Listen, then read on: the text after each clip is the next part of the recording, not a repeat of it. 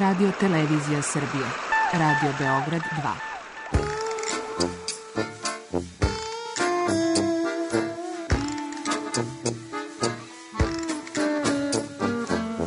Rekli su mi, gospodine, vi ste promašili temu. Pa ja sam onda promašio život. I ne znam šta će da bude sam. Kaže, ja ne mogu više te čuvam. Šta da ti radi, kaže, snađi se kako znaš. Mi smo kao u kafesu. Za nas to je najmrtvo. To je mrtvo za nas. Naročito. I ja bih želela neko da me usvoji. Da bih želela. Govori da bih te video. Program dokumentarnog zvuka.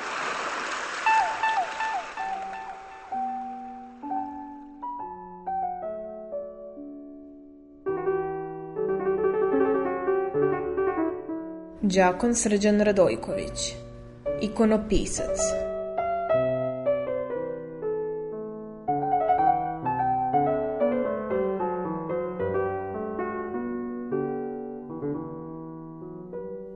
Znači, ko sam ja?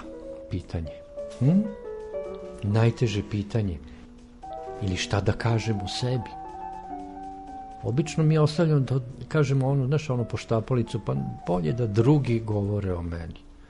Ne, kazat ćemo, zašto? Jer zaista mi imamo biološko pravo na postojanje, znači sa jednim imenom, jednog roda, jed, jednim mestom rođenja, što je jako važno. Znači, nije to, e, to u ličnoj karti ništa se ne vidi.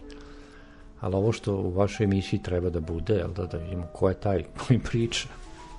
Pa dobro, imam jedno ime. Srđan od roda Radojkovića. I sad ono rođen, pa naravno negde sam rođen, jel da? To je jedno malo mesto, kraj, ili jedna varoš kraj Beograda, to je Pančevo. I sad naravno tu ima jako mnogo da se priča o tome, kako, to, kako je sve to uticalo, jel da? I zato je važno gde smo rođeni.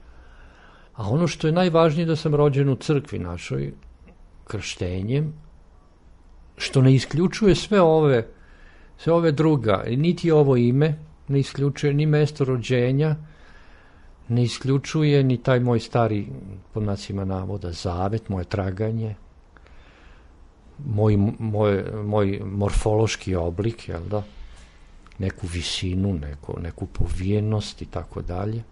Pa eto i godine, godine su se nakupile, 68, eto i to, te godine isto, to je vreme, znači njega moramo da u, uključimo u emisiju, jel da? A krok je sledeći, mislim, prvo ono što mi pada na pamet to je da sam ja rođen u jednom vremenu kada nije bilo masovnih komunikacija, 51. godina i moje odrastanje, to, ta prvo vreme, jel da, 10-15 godina, znači šta je to bilo radio, a televi, nije bilo televizije, nije bilo automobila, bilo ono fića i šta ja znam. Znači to je sad jedna nešto što nosim kao, kao ono pastrmka u, u, u bistroj vodi. Može samo da živi u bistroj vodi. E sad to, koliko je to dobro za mene, ne znam, ali mislim da jeste. Za svakog je najbolje ono vreme u kome se rodi, jel da? Šta sam hteo, hteo ti mi da kažem? Da, da moja vizuelna znatiželja je i sve dece tada je bila jako velika, jel da? I, pa i za čuvenj, da, da, da slušamo i da, da sviramo i tako dalje i to otuda ta interesovanja. I naravno sad kroz ovu našu školu koja je nekad bila mirnija, koja je nekad bila tako intimnija, da tako kažem, bilo je i radosna u smislu da smo voleli da idemo u školu, tamo je super društvo, igramo se. Igra je bila važna. Tu naravno su počeli da se javljaju ti oblici e, sposobnosti da se nešto naročito da se crtaju portreti. Pa sam onda po školi, za školu crtao portret Zmajove Jovanovića, pošto je bila škola tog imena, pa Žarka Zreljanina kasnije i tako dalje, pa su to bili već neki radovi tamo u osmom razredu. I tako je počelo, a naravno i oko nas su se dešavale paralelno nekoliko procesa. Slikarstvo je uvek bilo u Pančevu jedna disciplina i u arhitekturi same varoši je bila prisutna, koje mi nismo kao deca mogli baš odmah da. Jel, su bili nekoliko crkava, onda secesija je bila prisutna, onda uticaj uticaj austrougarske arhitekture, pa onda park, imali smo Narodnu baštu, to je bio jedan centralni park gde sa onim mestom za bleh muziku i tako dalje. Znači, živopisna je jedna situacija likovno, jel da? Pa onda svi trotoari su bili od cigala. Ja se sećam tih cigala, crvenih pečenih cigala na kojima je bilo utisnuto neko slovo J, pa Đ. Znači, to su sve vizualne senzacije koje su ostale duboko u meni. Cigle, da, da. Pa onda izlazak na reku Tamiš, po tim barama, žabe, pijavice i ostalo. Znači, jedna bezbrižna mladost nam je u stvari otvarala, otvarala put prema prirodi. I naravno posle kroz te kulturne oblike, pozorište, film i tako dalje koji su onda bili, mi sazrevamo likovno. Međutim, tu se javila i muzika, kada su se pojavili ovaj Beatlesi, prvo Shadows i Rolling Stones i Animals i Beatles i tako dalje, gitara, sećam se prvog magnetofona kad smo dobili Tesla, pa to je bilo čudo da mi nešto snimamo, pa smo ga, da, da ne idem sad u tu, ovaj, u tu ovaj, romantičnu prošlost. Drugim rečima, svi ti spoljni podsticaj i uticaj su bili veoma, veoma veliki u toj varoši koja je imala jednu tradiciju austro-ugarske uređene varoši sa trgom, sa muzičkom školom i tako dalje. I to je bila dobra osnova osnova da se nešto počne. Ja sam tu počeo i naravno kasnije tu je bio Beograd kao metropola, pa onda i moj odlazak u razne zemlje Evrope u potrazi za za znanjem ili za, za nekom fiks idejom, ako je to bila fiks ideja, moj susret i sa Parizom i sa, sa Pragom i sa raznim drugim zemljama.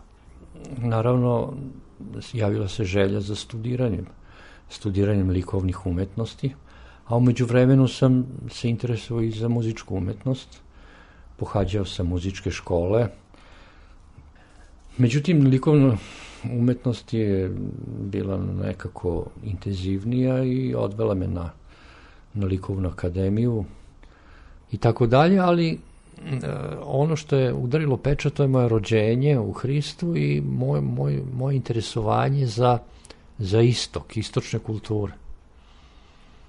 Te istočne kulture, Egipat, recimo, Sirija, Jerusalim, odnosno Izrael, Liban, Antiohija, Kapadokija, Stara Grčka i tako dalje, Jermenija, Gruzija, to su bili, to su bili neki novi svetovi, naravno tu je odma, odma provirivala i Indija. I onda sam u stvari jedan napravio krug sa Južnom Amerikom, gde sam u stvari video da čitava ta civilizacija kroz ove likovne elemente je u stvari jedna jedinstvena da svetski duh ide samo sa istoka na zapad i opet će doći na istok i tako dalje.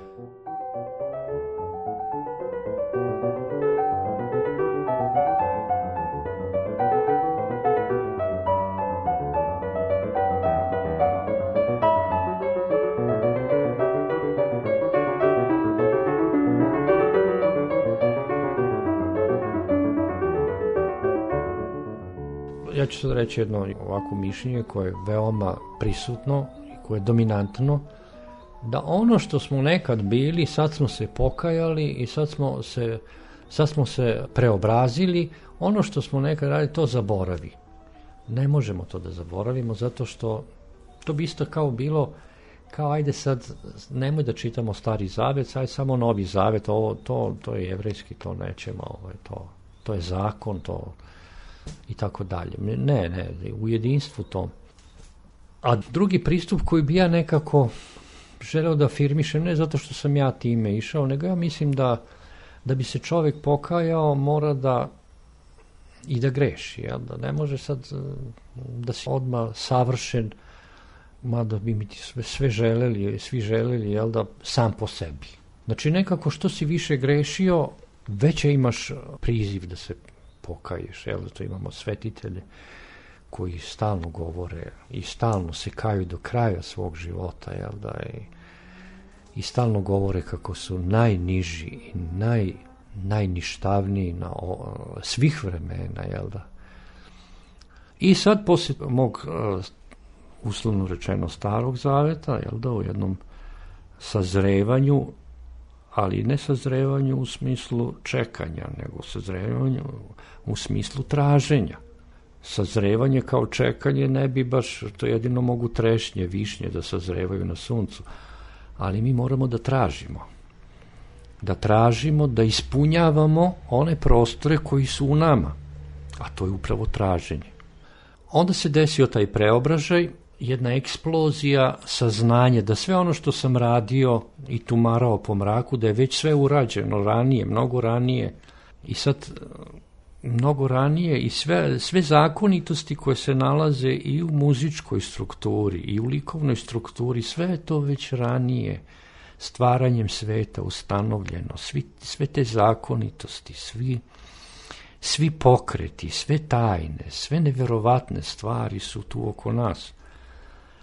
A zbir svih svih tih stvari sam pronašao u ikoni, jel da, i muziku i i, i, i svetlost, to svetlost, materiju, ljudski lik, anđelski lik, prirodu, preobražene, preobražene likove.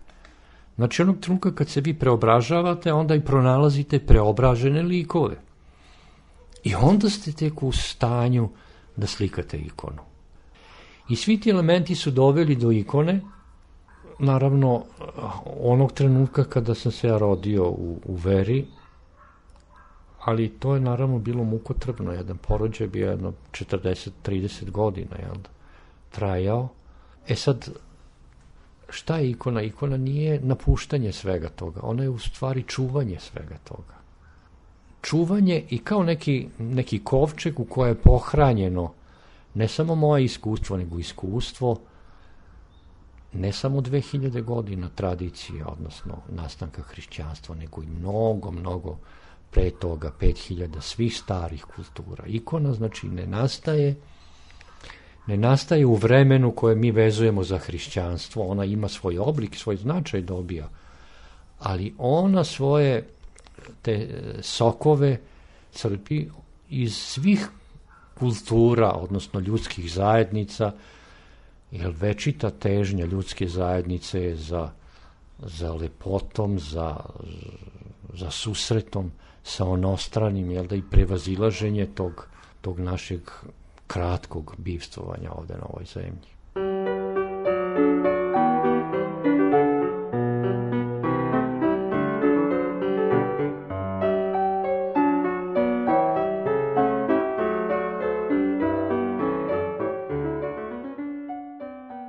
Evo sad se nalazimo u ateljeju, ateljeju koji je moj radni prostor, to je jedna kutija znači četiri zida i sve se izgleda ostvaruje u jednom prostoru. Ceo život je u jednom prostoru, pa počevši od tih velikih prostora kosmosa do malih mikrokosmosa u kojima živimo, a još manji mikrokosmos u kome radimo. Aj sad smo mi u tom malom mikrokosmosu, gdje ima puno stvari, tu su okačeni radovi, crteži, ima i raznih predmeta sa raznih mesta iz Jerusalima, tu jedna odežda sa Hristovog groba, mnoštvo knjiga, ploča, onda tabli, boja, četkica i tako dalje. To je sad jedan, jedna paleta mogućnosti koja koristim da bi se likovno izražavao.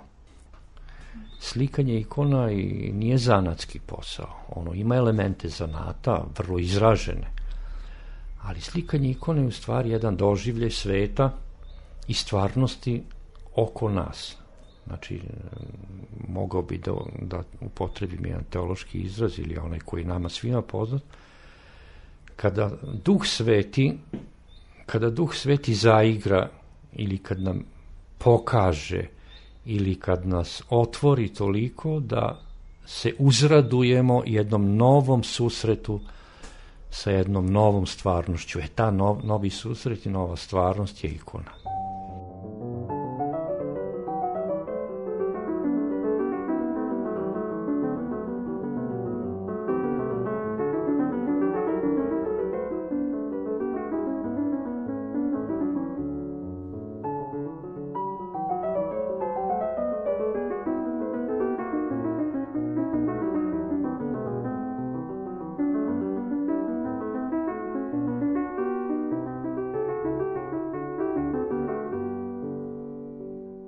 Ne radim ikone ovako pa sad kao radnja, pa sad izvolite šta vam se dopada. Ne, nego mora da postoji odnos.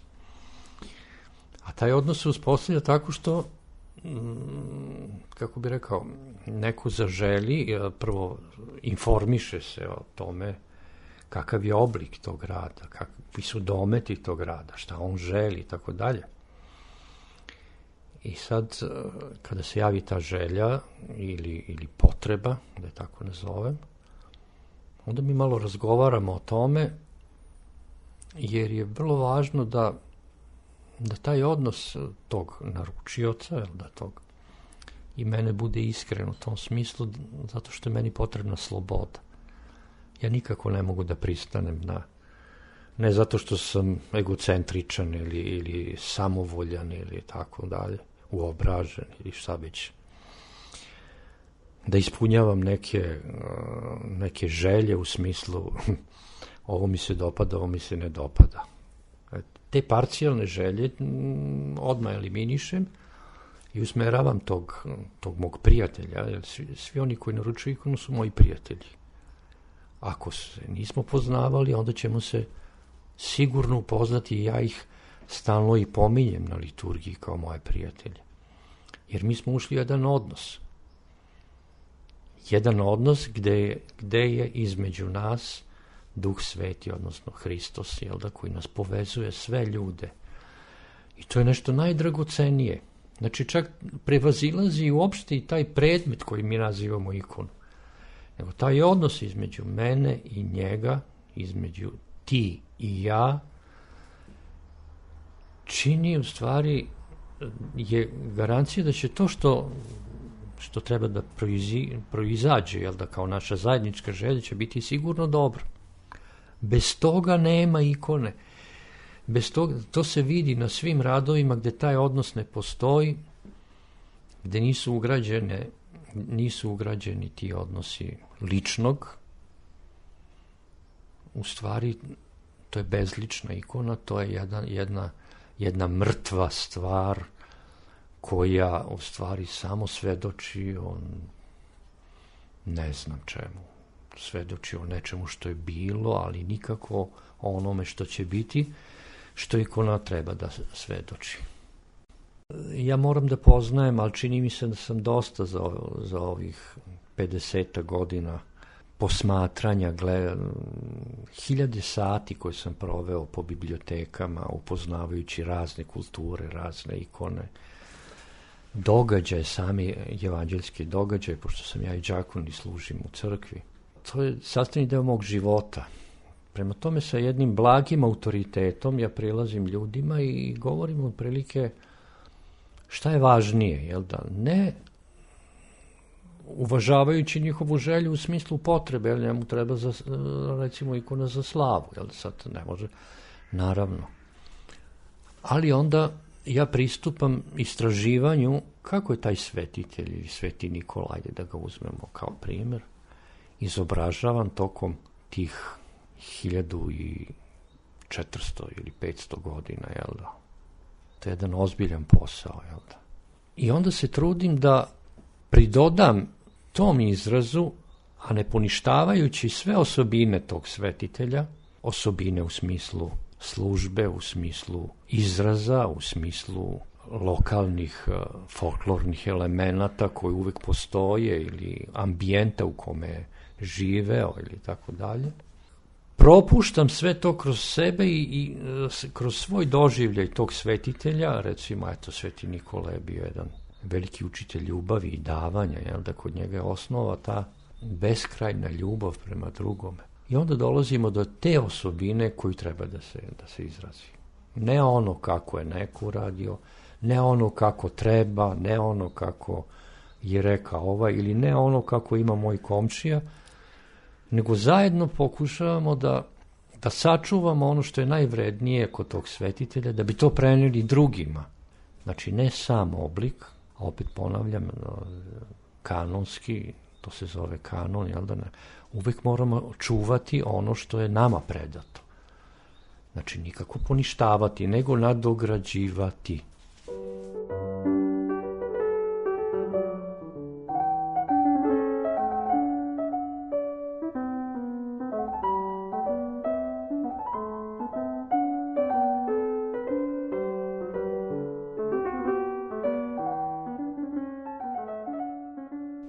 Površina je jako važna. To je apsolutna svetlost, ta, to preparirano platno ili daska, nije, nije važno šta. Mnogi misle da ta bela površina može tako neko to, ajde daću nekom to da uradi, da to nije važno i tako dalje. Ne može, ne može ta bela površina je u stvari možda i odlučujuća. Znači, slikanje ikone počinja upravo tim prepariranjem i gotovo je. A odmah tu oko biva preplavljeno belinom, svetlošću. Ono se šokira. Šokira se jednom belinom apsolutne lepote. Ko ne vidi tu belinu, neće moći. Ako, i, ako i žudi za da nešto naslika, ne vidi tu belinu, on neće moći da slika ikone, on će slikati slike, one koje on zamislio. Pa sama struktura prepariranog platna ili, ili daske isto je jako važna, ti potezi četke. Ja već tada znajući ili naslučujući ili intuitivno videći kako će ta ikona da izgleda, ja već, već je počinjem u tim nevidljivim pokretima da slikam. Zato što ti tokovi poteza četke isto stvaraju izvesnu dinamiku koja će kasnije biti vrlo važna. Posle toga, ali pre svega, prvo što, što se dešava u meni, posle onog, da tako kažem, susreta sa drugim, jedno povlačenje, povlačenje u tu intimu mog ikoničkog života. A to znači sabiranje svih, svih znanja i svih energija koje treba da usmerim ka tom cilju. To znači ja prvo tu ikonu moram da nacrtam. Šta znači nacrtati? To znači na toj beloj površini, zamišljeno, jel da? Ne govorimo o onoj prepariranoj dasci, nego toj opštoj belini u kojoj živimo, toj opštoj svetlosti i eksploziji, moramo crtežom izdvojiti likove, izdvojiti figure, izdvojiti odnose između tih figura i što najvažnije kompoziciju. Znači crtež prvo mora da bude. Naročito je važno da taj crtež bude linearno pročišćen i onda, onda ga rešavamo jedno sledeće pitanje. Znači od opšte svetlosti imamo linije koje se urezuju i da tako kažem prže, prže i tim svojim tragom ostavljaju ostavljaju granice između likova, između figura i tako dalje.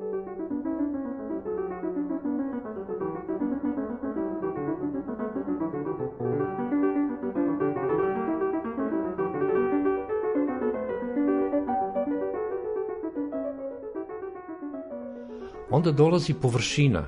To su odnosi jako bitni Opet moram da se pozovem na jedan teološki princip triadologije, crnog, odnosno tamnog, sivog i belog, koji je u osnovi našeg viđenja. To su tri zone u kome naše oko prestaje da bude organ za snalaženje, oko postaje mesto gde se svetlost pretvara u ikonu.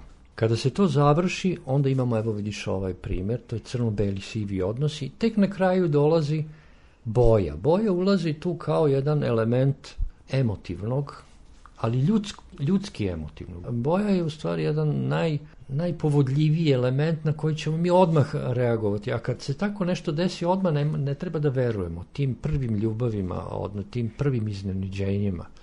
Znaš, ona je zavodljiva.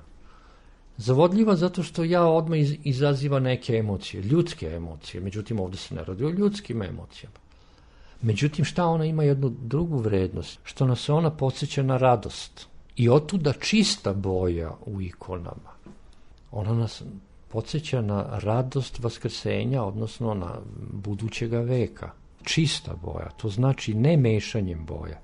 Zašto? Zato da se njena prirodna svetlost pigmenta ne bi smanjivala. Jer kad vi pomešate dve boje, ona dobija se treća, ali ta treća je derivat te dve, ona je, ona je uskraćena za autentičnost. A kad pomešate sve boje, dobit ćete crnu boju. Isto tako, kada belu svetlost prelomite kroz prizmu, dobit ćete spektar boja. Znači, to je tajna boja. I u tom smislu, čiste boje treba da provlađuju u ikonama. E sad postavlja se pitanje kako praviti nijanse. Jedan, jedan ajde sad moram malo i teološki taj, taj termin, jel da, da su prirode Svete Trojice, on, uh, one čine jedinstvo, ali nisu pomešane primnom prirode. Te mi jedan episkop rekao, pa dobro, pa kako ćeš ti sad tu sivu da dobiješ, da li ćeš dobiti mešanjem crne i bele? Ja sam rekao, razume, razumejući ga, razumeo sam da, da je možda hteo da, da me poduči ili da pita nešto. Ja sam rekao, znate šta ovaj? Ne, siva se dobija razblaživanjem, znači manjom gustinom crne. Znači, to nije opet mešanje. Jel?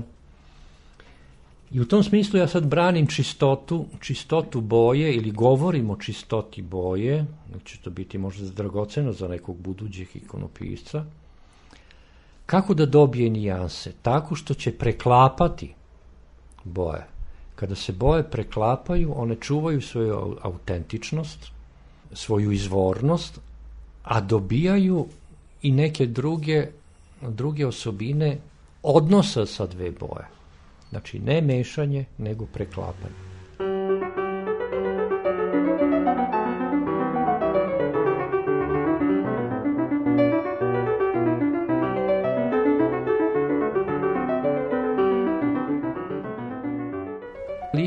Ikonama treba da anticipira jedno buduće stanje. To buduće stanje je jako značajno za sve. Ono, ono, ono nas u stvari drži u nekom smislu to buduće stanje, jel, da taj be, naš besmisao kao ljudskih bića ili opšte kao prolaznih bića je neizdrživ. A lice nam u stvari od, od, nas upućuje na jedno buduće stanje, na jednu totalnu održivost radosti, mira, spokoja, mira, ta reč mir nam fali. I sad lice ima i svoje atribute, jel da, gde su oči naj, najizraženije, bar na mojim ikonama, hm, to nije bila neka prvo teorija, pa onda realizacija, nego u stvaranju i u želji da se susretnem sa tim što radim, ja sam povećavao oči i kažem, evo, susreli smo se. Nisam smanjivao, nisam se udaljavao.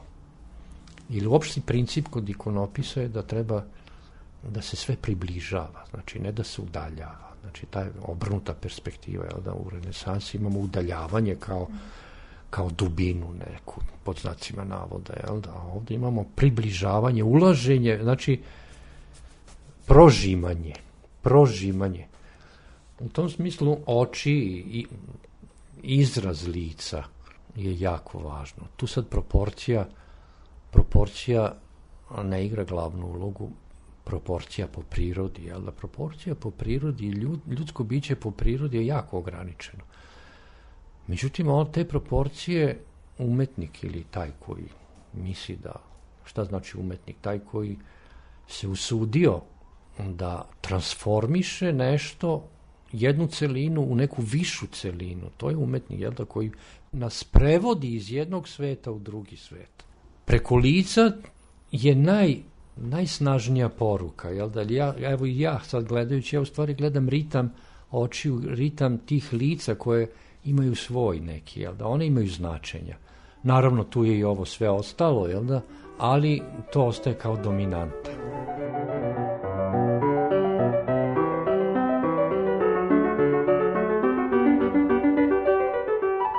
Govorio Đakon Srđan Radojković.